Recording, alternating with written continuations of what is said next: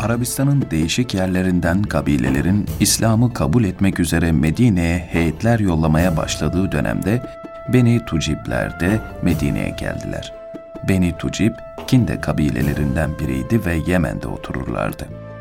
Hicretin 9. yılında gelen 13 kişilik Beni Tucib heyeti mallarının zekatlarını da yanlarında sürüp getirmişlerdi.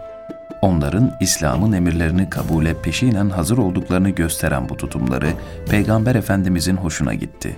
Kendilerine siz hoş geldiniz buyurdu ve Bilal-i Habeşi'ye misafirleri en iyi şekilde konuklayıp ağırlamasını emretti. Beni Tucib heyetinin Ya Resulallah, Allah'ın mallarımız içindeki hakkını sana sürüp getirdik demelerine karşılıkta onları geri götürüp fakirlerinize bölüştürünüz buyurdu.'' Beni Tucib heyeti, Ya Resulallah, biz ancak fakirlerimizden artmış olanını sana getirdik dediler. Bu cevabın bildirdiği davranış inceliği ve güzelliği Hz. Ebu Bekir'i öylesine etkilemişti ki, Ya Resulallah dedi, Arap heyetleri içinde doğrusu şu Tucib heyeti gibisi yoktur. Peygamber Efendimiz sallallahu aleyhi ve sellem buna karşılık, Hidayet Allah'ın elindedir. Allah, hayrını dilediği kimsenin kalbini iman için açar buyurdu. Tucib oğulları heyeti Hz. Peygamber'e bir takım şeyler sordular. Kendileri için sordukları şeylerin cevapları yazıldı. Daha sonra Efendimiz'e Kur'an'a ve sünnete dair sorular sordular. Onlardaki bu iştiyak Hz. Peygamber sallallahu aleyhi ve sellemin onlara yönelik rağbet ve teveccühünü ziyadeleştirdi. Nitekim birkaç gün Medine'de oturduktan sonra gitmek istediklerinde kendilerine ne diye acele ediyorsunuz denildi.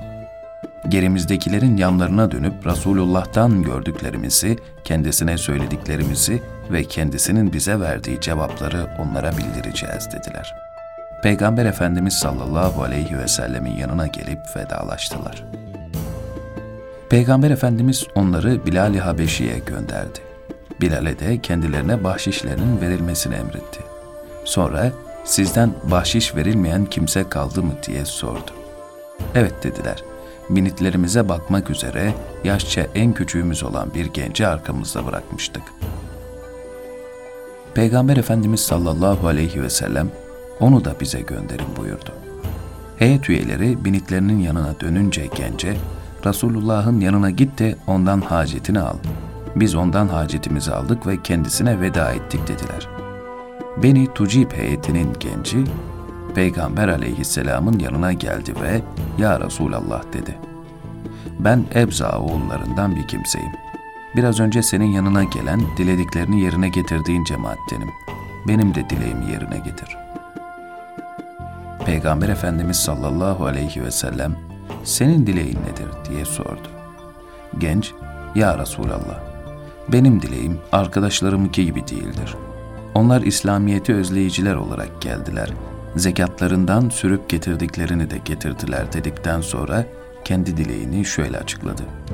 Fakat sen Allah'tan bana mağfiret etmesini, beni rahmetiyle esirgemesini ve bir de kalbime zenginlik vermesini dile.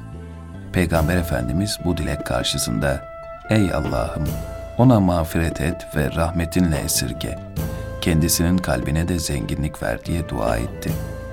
Sonra da gencin bu dileğinden başka bir şey istemediğini ima etmiş olmasına rağmen bu gence de heyetin diğer üyeleri gibi bahşiş verilmesini emretti.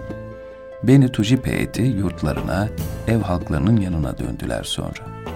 Bunlardan bir cemaat ertesi yıl hac mevsiminde Mina'da Peygamber Efendimizle buluştu bu cemaatin biz Evza oğullarıyız diye kendilerini tanıtmaları üzerine Hz. Peygamber, geçen yıl sizinle birlikte bana gelen genç ne yapıyor diye sordu. Ya Resulallah dediler.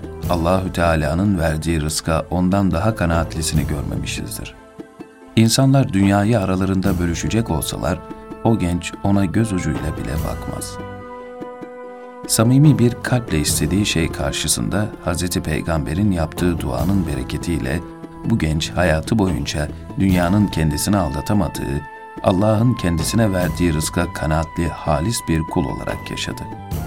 Peygamber Efendimizin vefatından sonra Yemen halkı İslam'dan dönmeye kalktığında bu genç kabilesine Allah'ı ve İslam'ı anlatmaktan geri durmamıştı. Bu gencin gayretleri başka kabileler içinden nice insan irtidat ederken, onun kabilesi içinden bir tek kişinin bile İslam'dan dönmemesini sağlamıştı.''